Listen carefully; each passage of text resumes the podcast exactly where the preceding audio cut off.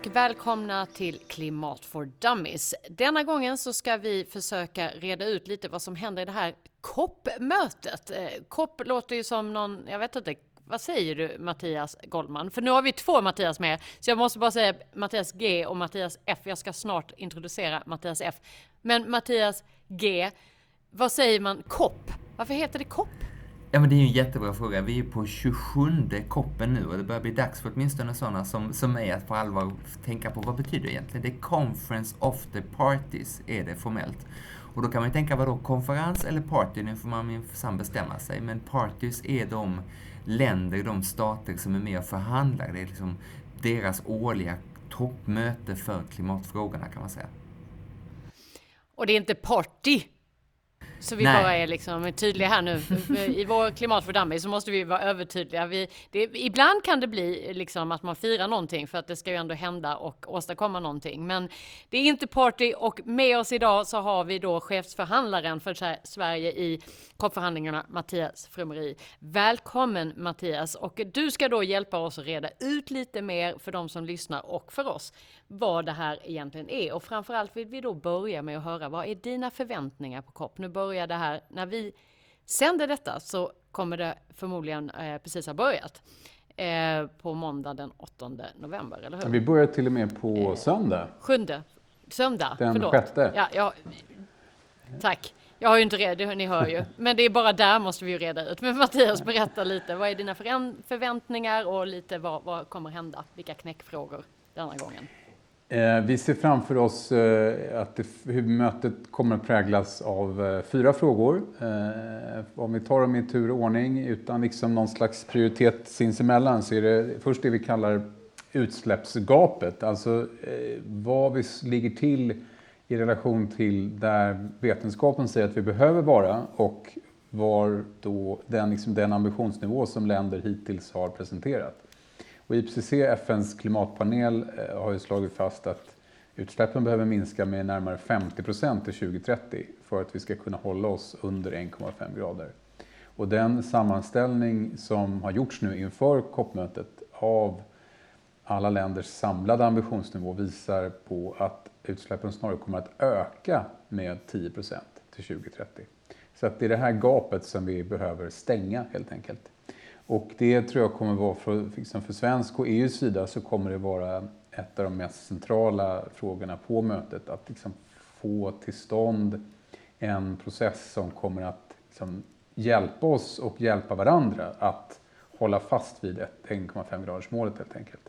Och rent konkret så handlar det om någonting som, eh, så spännande som eh, kallas ett arbetsprogram för utsläppsminskningar. Eh, och i den här klimatförhandlingsprocessen så är det väldigt mycket, liksom, det blir ganska mycket fokuserat på processer. Men de hjälper ju oss liksom, att hitta ingångar, eh, samtalstillfällen och möjligheter att utbyta liksom, erfarenheter och vad vi tycker då liksom, är bra klimatpolitik för att kunna uppmuntra länder att göra mer helt enkelt.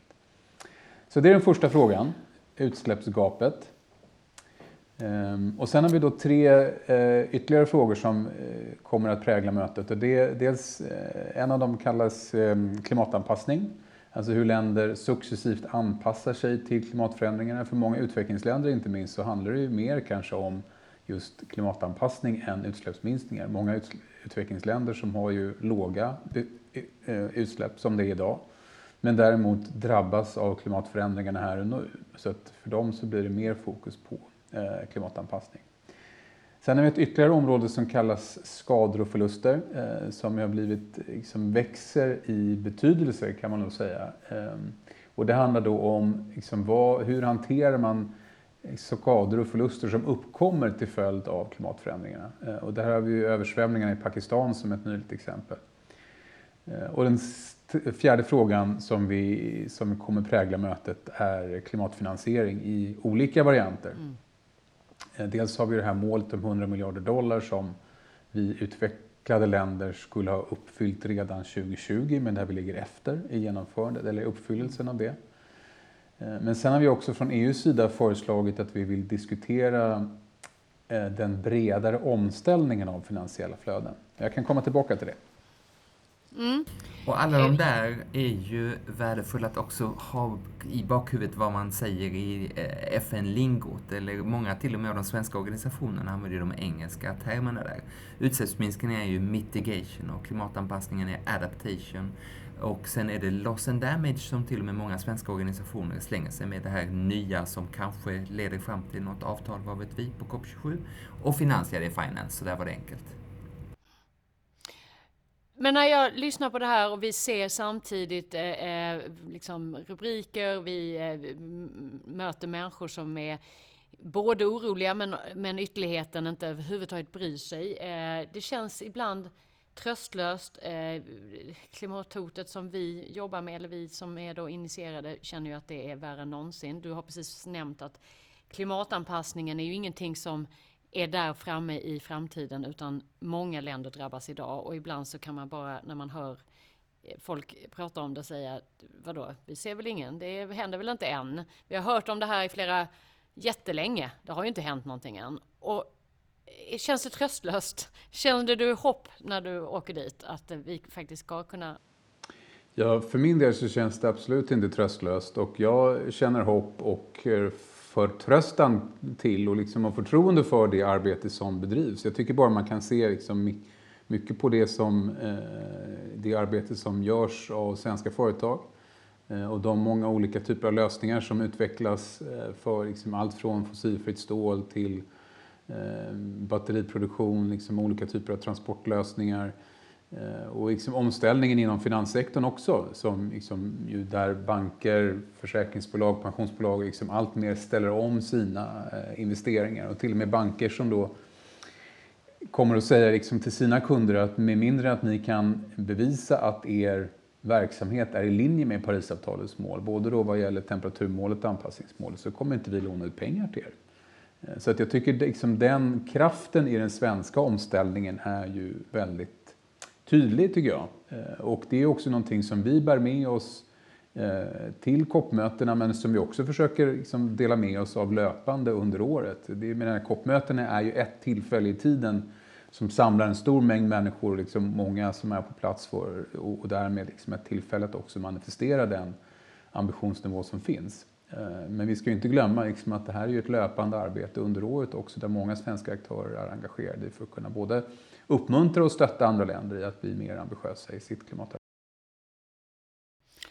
Det känns väldigt hoppfullt och det är lite den här att det, det är många som högljudda människor som pratar eh, högt och ljudligt både på den ena och andra sidan medan det liksom bara pågår för att nu har alla de som är i liksom verkligheten, vardagen, företag inser att det är den vägen vi ska mm. gå och lägger sig kanske inte i så mycket i debatten utan bara gör för man inser att det är dit både marknad och, eh, och världen går. Eh, så Men det låter ju bra. Men samtidigt är vi ju på COP27 nu, Mattias. Mm. Och vi har skärpt de här klimatmålen ett par gånger. Och du har helt rätt i att eh, när man samlar alla klimatlöften som var och en för ser fina ut så är det ändå pekade på fortsatta utsläppsökningar och eh, inte någonstans i närheten av Parisavtalets två grader eller en och en halv grader. Mm. Eh, kan man ändå med någon slags trovärdighet säga att 1.5 is alive, alltså det tuffare Parisavtalsmålet, kan uppnås? Det var ju lite grann mottot för eh, COP26 och eh, COP26-ordföranden sa ju eh, också i slutet av COP26 när vi hade liksom avslutat mötet att vi hade uppnått det att vi lyckades hålla 1,5 grader levande. Och sen så ska det ju sägas att under året har vi haft en utveckling som inte har liksom gått åt rätt håll. Men den ryska invasionen är ju ett uppenbart exempel på någonting som lägger väldigt mycket av en våt filt över klimatarbetet. Eh, och inte kanske liksom, menar, eh, Ryssland i sig är en av världens största utsläppare. Eh, kriget i sig för med sig liksom miljöskador. Och det för förstås också med sig liksom det vi ser i termer av energikris och livsmedelskris. Så det är klart att utvecklingen under 2022 har inte varit gynnsam för det globala klimatarbetet. Samtidigt så, så tycker jag ändå liksom att vi ser ett Eh, också nu när vi kommer till eh, närmar oss COP27, att, liksom att det, det byggs ändå momentum, liksom, det finns en, eh, liksom en, en vilja hos många parter att kunna eh, fortsätta ställa om. Och jag tycker återigen, liksom, om vi tittar på eh, det svenska näringslivet och eh, det ledarskap som, eh, som många företag visar upp och många som dessutom kommer finnas på plats på COP27 för att kunna dela med sig av den, de typen av lösningar som de kan erbjuda. Eh, så att jag förstår den, liksom den, den oro som kan finnas och att man kanske ser med, med viss tvekan på vad COP-mötena både har levererat och vad de kommer kunna leverera. Men eh, jag tycker från, från vår sida så är liksom ansatsen att så länge vi inte har stängt utsläppsgapet så blir liksom det här koppet och varje kommande kopp det, liksom det viktigaste koppet någonsin. Jag brukar jämföra ibland med, eh, med liksom hur man pratar om OS eh, finalerna, liksom när man, OS-avslutningen, när man säger liksom, ja, men det här var det bästa olympiska spelen någonsin. Det är lite så vi behöver tänka med kopparna också. Mm. Det, liksom, det här är det viktigaste koppet någonsin som vi behöver eh, se till liksom, och manifestera och den, den framsteg som finns. Och Mattias, den här sense of urgency, den kände vi ju verkligen allihop eh, inför Parisavtalet som jag tror är bekant för många av också våra lyssnare här. Och jag tycker man kände det för det brittiska ordförandeskapet inför fjolårets COP26 då i Glasgow. Mm.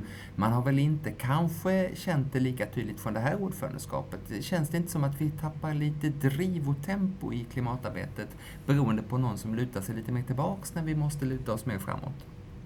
Det är klart att varje ordförande sätter sin egen prägel på mötet och liksom vad man kan, eh, liksom vilka frågor man väljer att prioritera och hur man väljer att arbeta tillsammans med olika länder. Men samtidigt ser ju också liksom den, eh, det sammantagna eh, resultatet av alla parters både deltagande, närvaro och engagemang som blir liksom också återspeglar det utfallet som vi, som vi kommer få på mötet. Eh, och där är ju inte bara själva ländernas engagemang utan liksom återigen då liksom det som olika typer av civilsamhällesaktörer eh, visar upp både från liksom civilsamhällesorganisationer men också från, från näringslivet och andra aktörer som kan liksom både driva på och visa på de lösningar som finns för att kunna snabba på arbetet. Du får jag fråga här också. Eh, vi eh, har en ny regering. Ehm, vad innebär eh, de nya direktiven för dig och hur mycket har du hunnit samordna med den nya klimatministern? Vi, ja, men vi har ju, det blev en, en rivstart för, för den nya ledningen att komma in liksom och, och sätta sig in i förberedelserna för COP27 redan från dag ett i princip.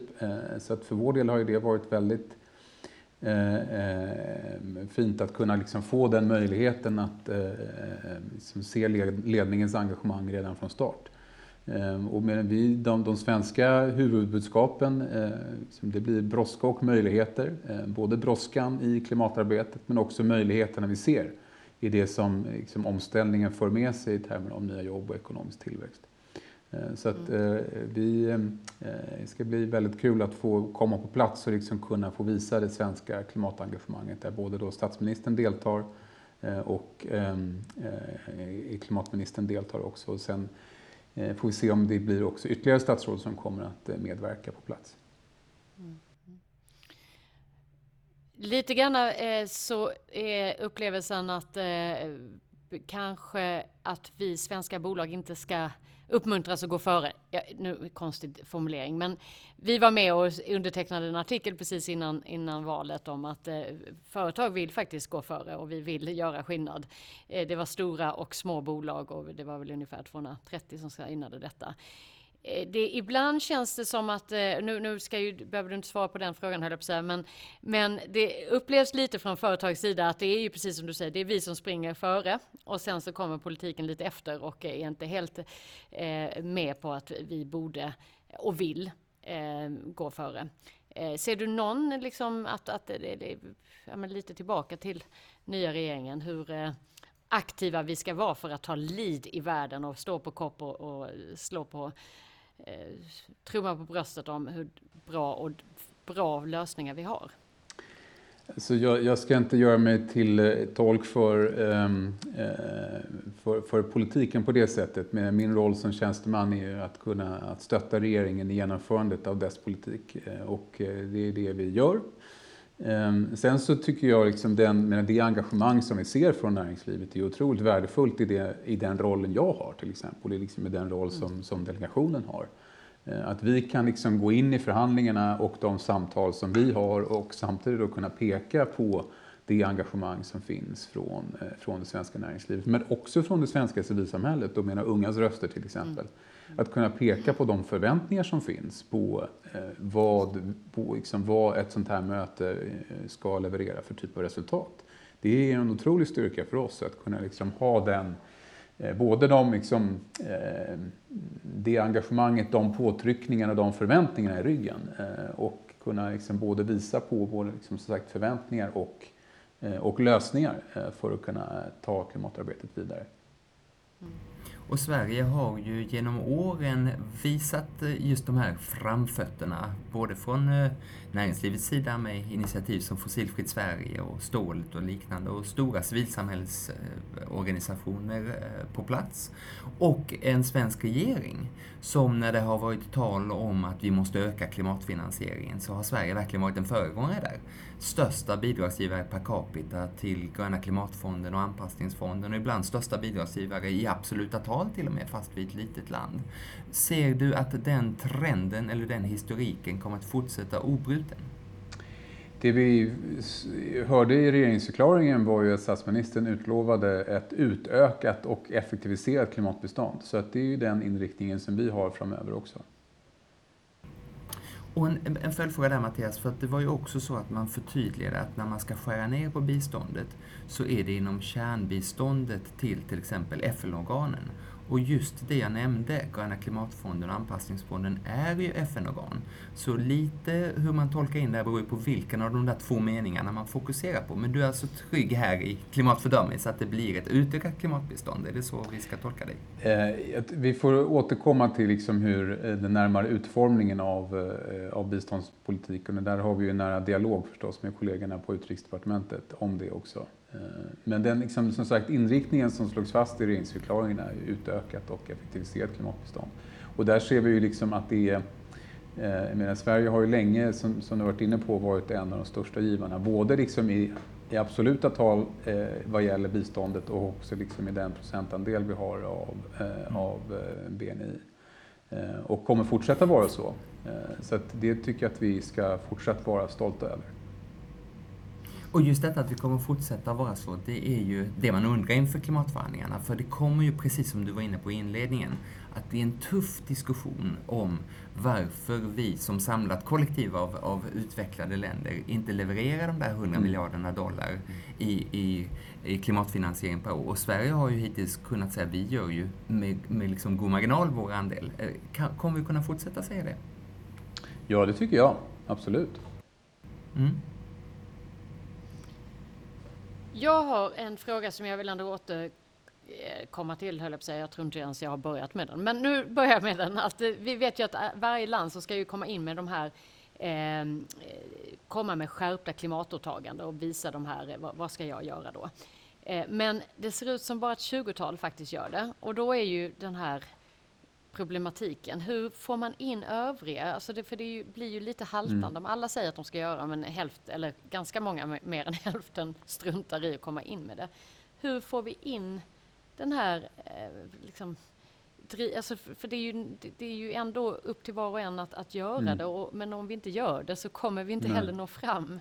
Hur, hur gör man? Hur gör ja, det är uppenbart så att, att allt för många länder tycker att det är allt för svårt att eh, liksom hitta en väg framåt i sitt eget nationella klimatarbete. För det är ju trots allt där liksom som, eh, som kärnan i det globala arbetet är. Att var, varje land för sig måste liksom hitta sin väg. Vad är det vi behöver göra för att kunna liksom säkra eh, vårt bidrag till, eh, till Parisavtalets genomförande och inte minst då eh, vad gäller temperaturmålet. Eh, och den, eh, liksom de, de budskap och den, liksom den inriktning som vi har då från svensk sida just när vi pekar på brådska och möjligheterna är just liksom att lyfta, lyfta fram de möjligheter som vi ser. Eh, och liksom vad klimatomställningen innebär i termer av nya jobb och ekonomisk tillväxt. Att det ska kunna vara en... Eh, Svante Axelsson brukar ibland prata om liksom att Eh, klimatarbetet har ofta handlat om, om, eh, om burden, eh, liksom, eller om bördefördelning, men det borde snarare handla om skördefördelning. Att vi alla lyfter fram liksom, det som klimatarbetet får med sig. Och det tycker jag, liksom, där återigen har vi goda exempel från svensk sida eh, på liksom hur nya typer av industrier växer fram men också liksom hur gamla industrier ställer om. Eh, och sen är det klart att det kommer finnas liksom både företag, samhällen, enskilda individer som, eh, liksom, som drabbas, av den, drabbas. Eh, av den omställning som sker. Men där brukar man ju eh, lyft, liksom, lyfta fram kolgruvarbetare till exempel. Liksom. Det, mm. menar, där, någonstans, förhoppningsvis en inte alltför lång framtid, liksom, så, så kommer kolgruvorna behöva stängas. Eh, och kolkraftverken kommer behöva stängas. Ehm, och då är det klart att då är det ju angeläget att ehm, de som arbetar i den typen av verksamheter också har liksom ny, annan sysselsättning att kunna gå till. Eh, och där har ju förstås liksom stater, eh, olika typer av offentliga aktörer en central roll i att kunna liksom säkra den omställningen. Och, men där tror jag också att vi från svensk sida har liksom mycket erfarenheter att dela med oss av vad gäller liksom hur, hur liksom riggar man systemet på arbetsmarknaden vad gäller social dialog, liksom fackföreningars roll och så vidare. Sen är det klart, alla länder måste liksom hitta sin egen modell i detta.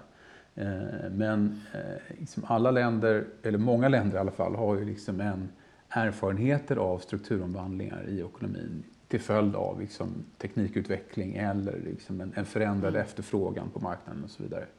Eh, så att det, i sig är ju inte det ett nytt element skulle jag säga vad gäller den typen av strukturomvandlingar. Det som kanske är skillnaden med klimatomställningen är ju att den här strukturomvandlingen behöver liksom ske i bredden av ekonomin och mycket snabbare än vad den, vad den kanske har gjort eh, i tidigare omställningar. Och det är klart att det kan vara en utmaning för många länder. Ehm, och, och där så, men där tror jag också just liksom värdet av den här liksom, globala samverkan som vi kan se och liksom att ingjuta mod och trygghet eh, hos beslutsfattare. Men Jasmins grundfråga där tycker jag är spännande. Alltså om man nu enas på COP26 att till COP27 ska alla parter, alla 190 drygt länder leverera skärpta klimatåtaganden och 24 verkar det vara just nu som gör det. Alltså, hur kan man då ändå ha tilltro till det här systemet? Hjälp våra klimatfördömningslyssnare att våga lita på ett system där 8 av 10 bara kan strunta i det man enas om. Nej men jag förstår att det kan finnas den, eh eh, så sagt, liksom en, en, kanske en skepsis kring eh, hur systemet är riggat.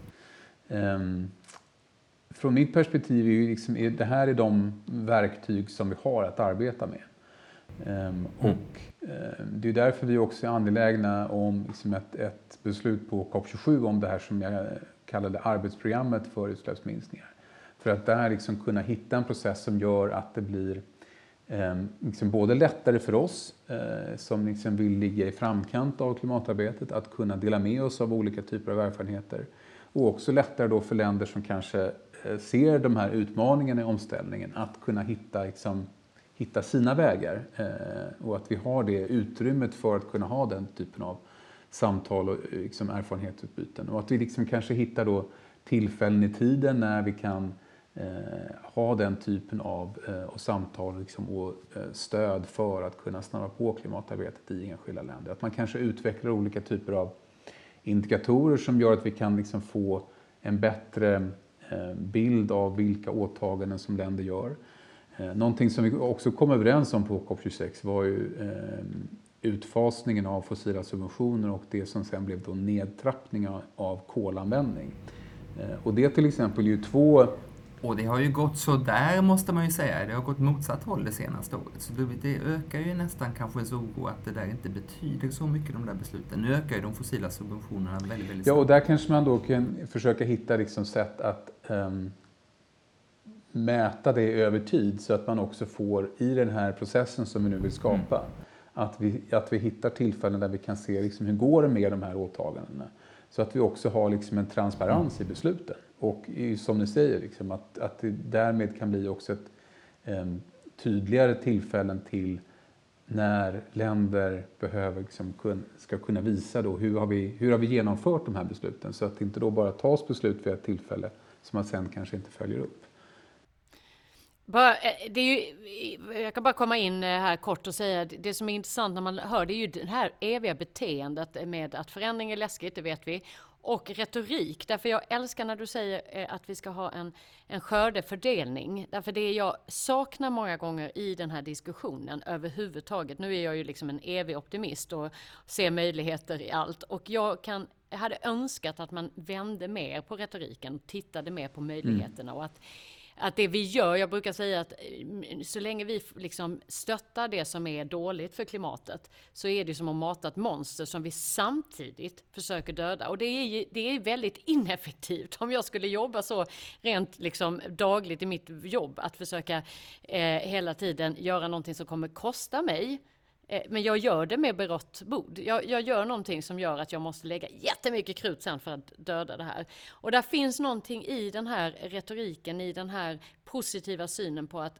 vi som kommer ställa om, ni som kommer ställa om, har ju det är ju ni som kommer vinna den här tävlingen mm. och inte att det är en uppoffring eller ett det är problem. Och visst, det är klart att vissa omställningar och förändringar är mm. jobbigt, det vet vi. Mm. Liksom. Men det är ju där vi ska fokusera. Vad är det som är jobbigt för den enskilda mm. personen som kanske måste mm. kompetensutvecklas eller byta jobb eller vad det nu kan vara. Men vi lägger inte krutet där, utan vi pratar om att det är problem. Det kommer bli mm. jobbigt att ställa om. Istället för att se att det är ju precis som att starta upp ett bolag. Det är alltid lite bökigt. Vi vet inte riktigt, men det enda man vet är att de som springer mm. där framme kommer förmodligen få mm. eh, en uppsida av det. Och jag tror att det där som du är inne på nu liksom är också någonting som vi kanske behöver fokusera än mer på. Just att liksom bli än mer eh, dedikerade till, liksom, och fokus, eller fokuserade på, i, i, vårt fall handlar det framförallt liksom hur man jobbar med andra länder. Eh, men som ett exempel på det så ett av de initiativ som lanserades på COP26 eh, kallades Just Energy Transition Partnership med Sydafrika. Eh, där då eh, ett antal givare eh, som erbjöd 8,5 miljarder dollar för att Sydafrika skulle kunna liksom driva sin energiomställning. Och det här konceptet har man nu försökt liksom applicera också på ett antal andra länder. Så att under COP27 så tror jag vi kommer att få se ett sånt, en sån överenskommelse med Vietnam och det kommer mm. sen komma en också med Indonesien så småningom.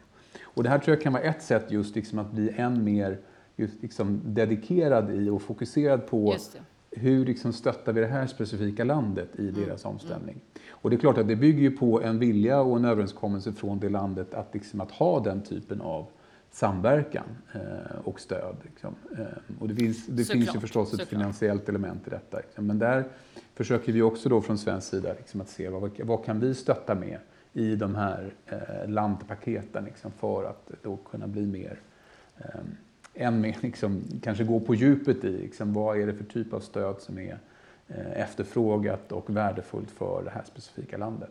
Så det är liksom en modell liksom, att kunna fokusera det. Och i detta, när vi hör det nu, så hör vi också att dessa COP-möten handlar om så många olika saker. Du har nämnt de olika förhandlingarna med dess olika spår. Du har nämnt att både vår eh, ansvariga ämnesminister och vår statsminister kommer ner och presenterar Sverige, vad vi, vad vi gör och vad vi står för. Du har nämnt de mer bilaterala överenskommelserna där några, några få eller ganska många länder lite vid, skillnad, vid sidan om de själva förhandlingarna kommer överens om upp, olika uppgörelser. Och du har också nämnt det här där man liksom lyfter fram eh, förebilderna i så här side events kan det vara som man kanske gör från Sveriges sida eller som ibland kan vara miljöorganisationer eller företag. Så det är egentligen en ganska mm. mångfacetterad händelse, ett sånt här COP-möte. Om, om du liksom ska vikta, jag vet att det är svårt, men om du ska vikta, vad är egentligen det viktigaste med, med, med dessa årliga två veckor i klimatets tjänst? Jag tror också vi ser lite grann en förändring i mötenas karaktär. Men eh, fram till, eh, eller det går väl lite grann i vågor också, men, men ehm, fram till Parisavtalet så var det väldigt mycket just fokuserat på att förhandla fram Parisavtalet. Eh, och sen ägnade vi åren efter det till att eh, liksom förhandla klart den här, det vi kallar regelboken. Liksom hur ska Parisavtalet genomföras? Eh, men nu säger ju också egyptiska ordförandeskapet liksom att det här vill de ska bli genomförandekoppen. Liksom att vi går från förhandlingar om liksom globala regelverk och eh, till liksom att mer fokusera då på just på enskilda länders genomförande av de åtaganden som har gjorts. Eh, så att också i det ljuset man kan se det här så kallade arbetsprogrammet då, som vi tittar på för utsläppsminskningar. Men också det arbetsprogram som vi håller på med vad gäller klimatanpassning. Att liksom kunna utveckla mer indikatorer kring liksom vad som är framgångsrik klimatanpassning. Och sen då som du är inne på, liksom att, att COP-mötena blir ju också liksom ett tillfälle att manifestera rent allmänt, liksom, bredare än förhandlingarna, hur som olika länder och aktörer eh, både kan och bör bidra i det internationella klimatarbetet.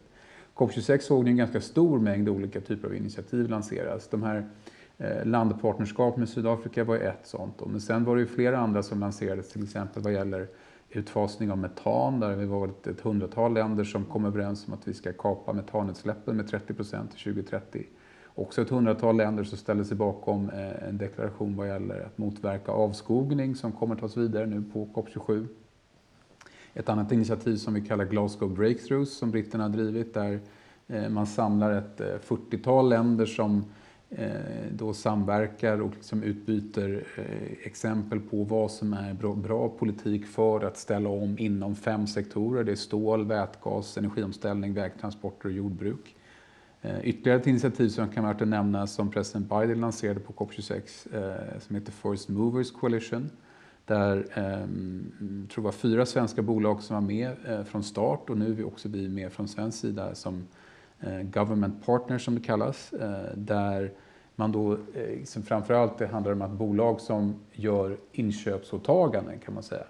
Så att de bolag som är med kanske då säger så att ja, men eh, 10 av det vi köper in vid en viss tid, tidpunkt, kanske 2025 eller 2030, ska vara fossilfritt.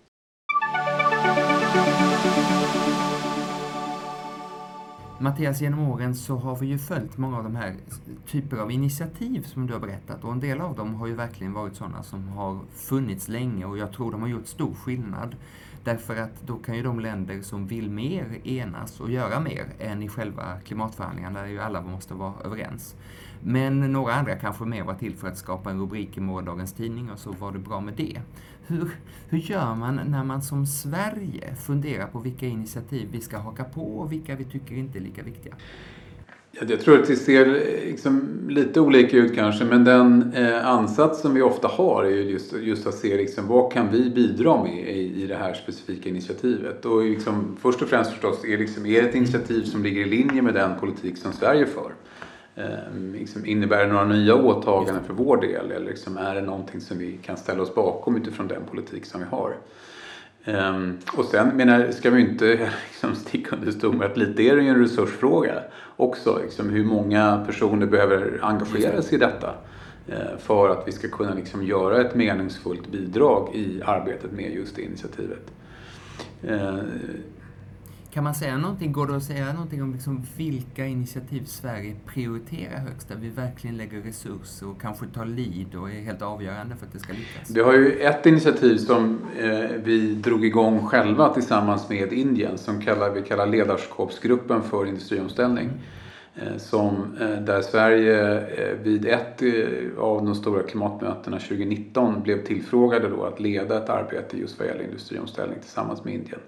Eh, så att den gruppen skapades då eh, och eh, den omfattar idag, vad är det, ja, strax under 20 länder och ungefär lika många företag som då samverkar kring industriomställning. Bygger ganska mycket på konceptet med Fossilfritt Sverige, med liksom att utarbeta färdplaner mm. för industriomställning. Eh, så att det är ju ett initiativ där vi lägger resurser och liksom i, i mångt och mycket leder arbetet då tillsammans med, eh, med Indien. Men sen många av de här initiativen som, som då lanserades på, eh, på COP26 är sånt som vi har engagerat oss i också på olika departement. Beroende då på vad det är för typ av fråga, liksom med stål, energiomställning, vägtransporter till exempel. Eh, så att kollegor på infrastrukturdepartementet som är ju eh, engagerade i flera olika initiativ vad gäller transportsektorn till exempel. Eh, och sen många av de som har funnits tidigare som är kanske då drivs liksom genom olika organisationer också. Men vi har ju till exempel IEA, International Energy Agency, som ju liksom ligger väldigt mycket, mm. Eh, tycker jag i alla fall, i framkant vad gäller liksom mm, policyrekommendationer och analys kring energiomställningen. Eh, och där ehm, som har ju pekat på liksom, eh, i vilken takt som energiomställningen behöver gå för att vi ska kunna hålla oss både under netto noll och 1,5 grader. Och Mattias, en del av de där initiativen är ju säkert kända eh, god tid i förväg. En del känns som att de kanske liksom dyker upp Eh, under COPs gång som en respons på vad som händer på mötena. Och också själva förhandlingarna är ju liksom ursprungspositionerna kända men sen händer ju saker när, när väldigt många länder och många grupperingar ska, ska mötas och försöka hitta en bra lösning framåt. Springer du då och ringer klimat och miljöministern eller har du mandat att driva på eller måste du prata med EU innan du säger Sverige är med på detta? Hur går det till en typisk förhandlingsdag? Eh, ja, alltså om man ska titta på dagen så men då inleds den just med EU-samordning. Mm. Så att eh, där bör, klockan halv nio brukar det vara så håller vi på till tio. Så då liksom tittar vi på dagen som var föregående dag och sen så planerar vi lite grann inför dagen som kommer. Börjar liksom Ni de stora förhandlingsfrågorna. Ja, just det. Precis. Ja. Ja. Eh, och då när klimatministrarna anländer vecka två så liksom, då är det ju eh, klimatministrarna som sitter runt bordet då, eh, varje morgon. Eh, och sen är det ju löpande liksom EU-samordning under dagen kan man säga i de olika förhandlingsspåren som, eh, som bedrivs. Eh, och sen, och sen summerar man också EU-kretsen liksom framåt, framåt kvällen hur dagarna varit. Så det är ett ganska intensivt och tätt EU-samarbete dagligen under själva mötet. Och det har ju förstås också föregåtts av liksom intensivt EU-samråd under, under året för att liksom kunna preppa för, för mötet. Men sen är det som sagt också många olika typer av event vid sidan av själva förhandlingarna. Så att eh, där, är, inte minst min tid, är liksom ägnas också åt en del av, av det. Eh, att liksom vara med på de olika scenerna som finns för liksom, blir ju ett tillfälle för oss liksom, att lyfta fram svenska erfarenheter och det vi vill att, att eh, liksom diskussionen ska fokusera på. Och återigen liksom lyfta fram mycket av möjligheterna i omställningen. Ehm, och sen så kommer jag också eh, just för det här mötet att ehm, leda förhandlingarna tillsammans med en, en, en annan kollega på, kring klimatanpassning. Mm. Så att för min, för min del så kommer liksom nog dagarna också vara eh, präglade mycket av det. Då är det du och någon från ett utvecklingsland som tillsammans ska hitta hur kan vi alla komma överens om skrivningarna om klimatanpassning helt enkelt. Just det.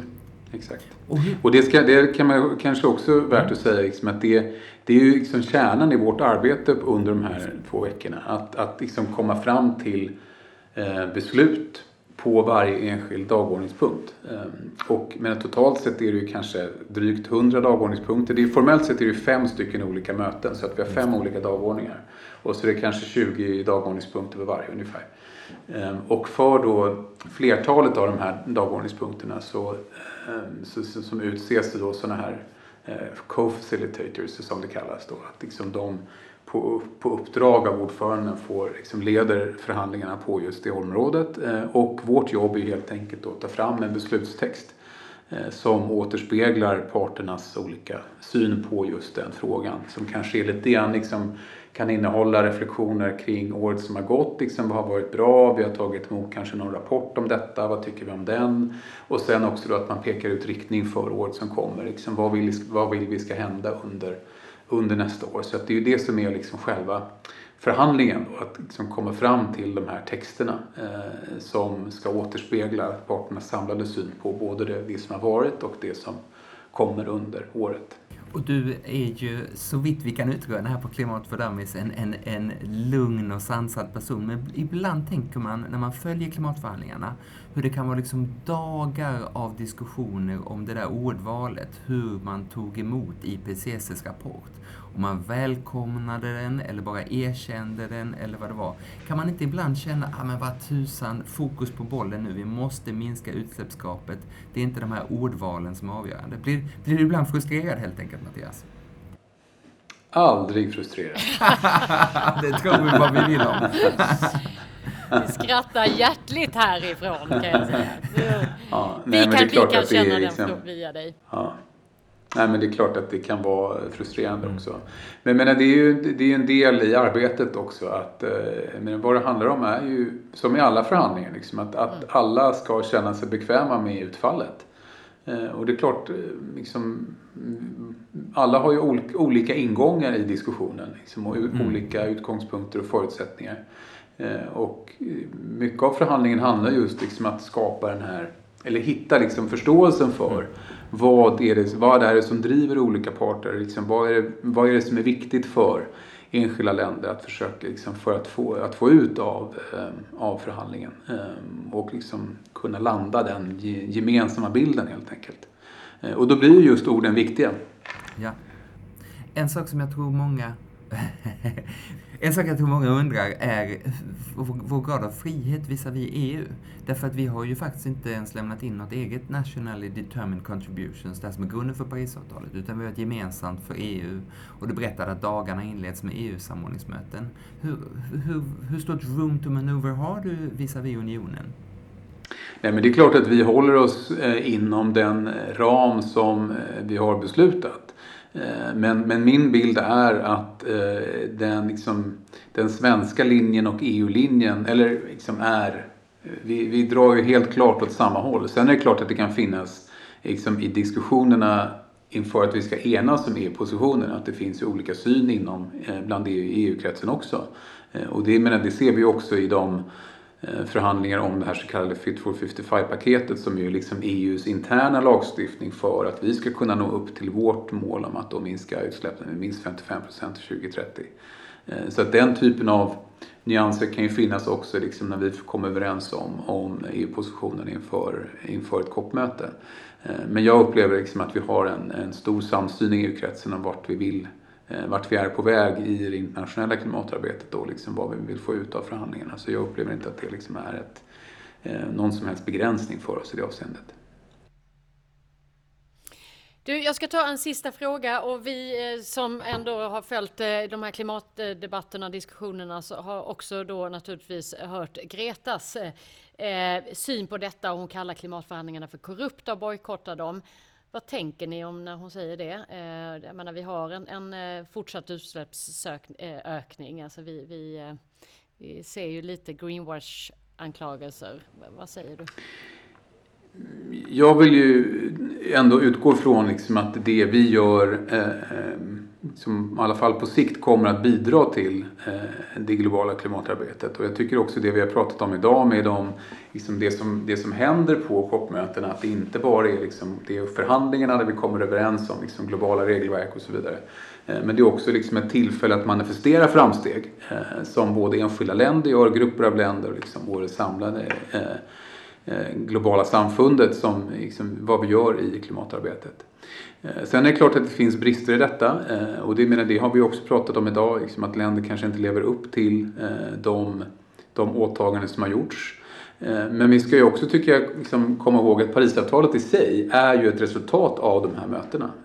Det var liksom på ett sånt här möte som, det är därför det heter Parisavtalet, liksom, för att det var, det var i Paris på mm. COP21 som vi lyckades komma överens om Eh, de, eh, de mål som vi nu har satt för oss själva i Parisavtalet. Eh, och jag tror, menar, det är inte så att klimatarbetet är svårt. Och som jag pratat om, liksom många länder som upplever att det är utmanande. Och liksom behöver hitta sin väg liksom i hur man ska kunna snabba på sitt eget arbete. Men, ehm, och det är klart att det behöver hända mycket mer än vad som händer idag. Men jag tycker ändå att liksom det här är den process vi har och vi från svensk sida har allt intresse av att kunna liksom se till att det blir så bra resultat som möjligt. Ja, och det enda man kan veta är att vi kan ju inte lägga oss ner och bara eh, tro att det händer ändå. Så, så jag tror ju, eh, jag håller med dig, eh, det här behöver ju fortsätta och de här dialogerna måste fortsätta och jag önskar dig all lycka till för att eh, du, har, du, du, har inga förväntningar från oss What? alls. Det har du visst, fixa det! Du har så höga, vi ska, exakt! Det, det är ju det här 70-talisten i mig som är ironisk. Jo, du har enorma förväntningar Mattias. Så jag tänker så här, eh, du får med all vår lycka till och kraft eh, här och jag hoppas eh, att vi kan få prata med dig efter eh, också och höra lite vad, vad har hänt och eh, vad tar vi med oss och eh, vad kan vi alla andra göra mer av på andra sidan som faktiskt eh, eh, snabbar på den här processen. Så eh, jag tror faktiskt det var allt för oss för att det, det vi vill prata om mycket men tiden eh, springer när man har roligt och det är så intressanta frågor. Men vi kommer komma tillbaka hoppas jag. Så tack Mattias och lycka till! Tack gärna! Tack Mattias, ha det gott! Vi hörs på nästa Klimatfördömning.